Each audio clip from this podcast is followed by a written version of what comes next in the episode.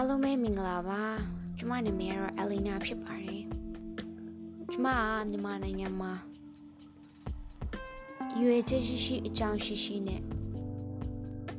သူနာပြုတရားဖြစ်လာတဲ့လူတစ်ယောက်ဖြစ်ပါတယ်ဆိုတော့ဘာဖြစ်လို့ဒီလိုပြောရလဲဆိုရင်ကျမတို့မြန်မာနိုင်ငံမှာသူနာပြုလို့ပြောလိုက်လို့ရှိရင်အကောင်းနဲ့အဆိုးကိုခွဲခြားကြည့်လိုက်တဲ့အခါမှာအဆိုးဘက်ကမြင်တဲ့လူတွေများပါတယ် ဒါရီယာကျွန်မအပြစ်မပြောလို့ပါဘူးဘာလို့လဲဆိုတော့တကယ်လက်တွေ့အခြေအနေမှာ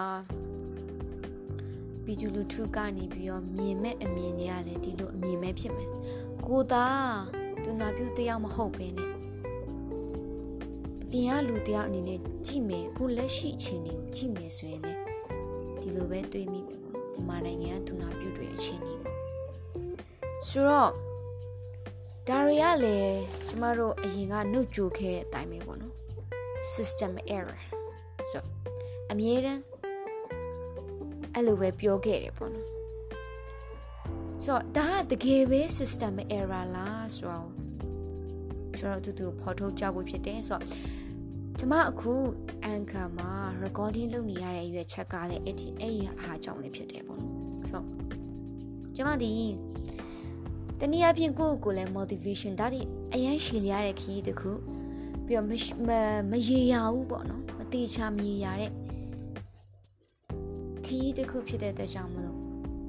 ကျမကိုယ့်ကိုယ်လည်း motivation ယူဖို့လိုတယ်ဒီလိုပဲကျမရဲ့တစ်ဖက်ကအမြင်တွေကိုလည်းလေကျမတို့အရေးကြီးရဲ့ဆိုတော့ကြောင့်မို့ကျမ recording လုပ်နေရခြင်းဖြစ်တယ်ဆိုတော့ရှေ့ဆက်ပြီးတော့ပေါ့နော် ဒူနာပြူတယောက်အနေနဲ့ဘာတွေဖြစ်ချင်တာလဲတကယ်တကယ်ဘာတွေလိုအပ်နေရလဲဆိုတာကိုအတူတူဖော်ထုတ်ဖွင့်ရန်အတွက်အဲကျမရဲ့အဲ recording လေးကိုဆက်ပြီးတော့မှာပေါ့နော်အာစောင့်မျှော်ပြီးကြောက်ဖွင့်ရန်အတွက်မြစ်တာရက်ခံပါတယ်တောင်းဆိုလိုပါတယ်ကျေးဇူးပါ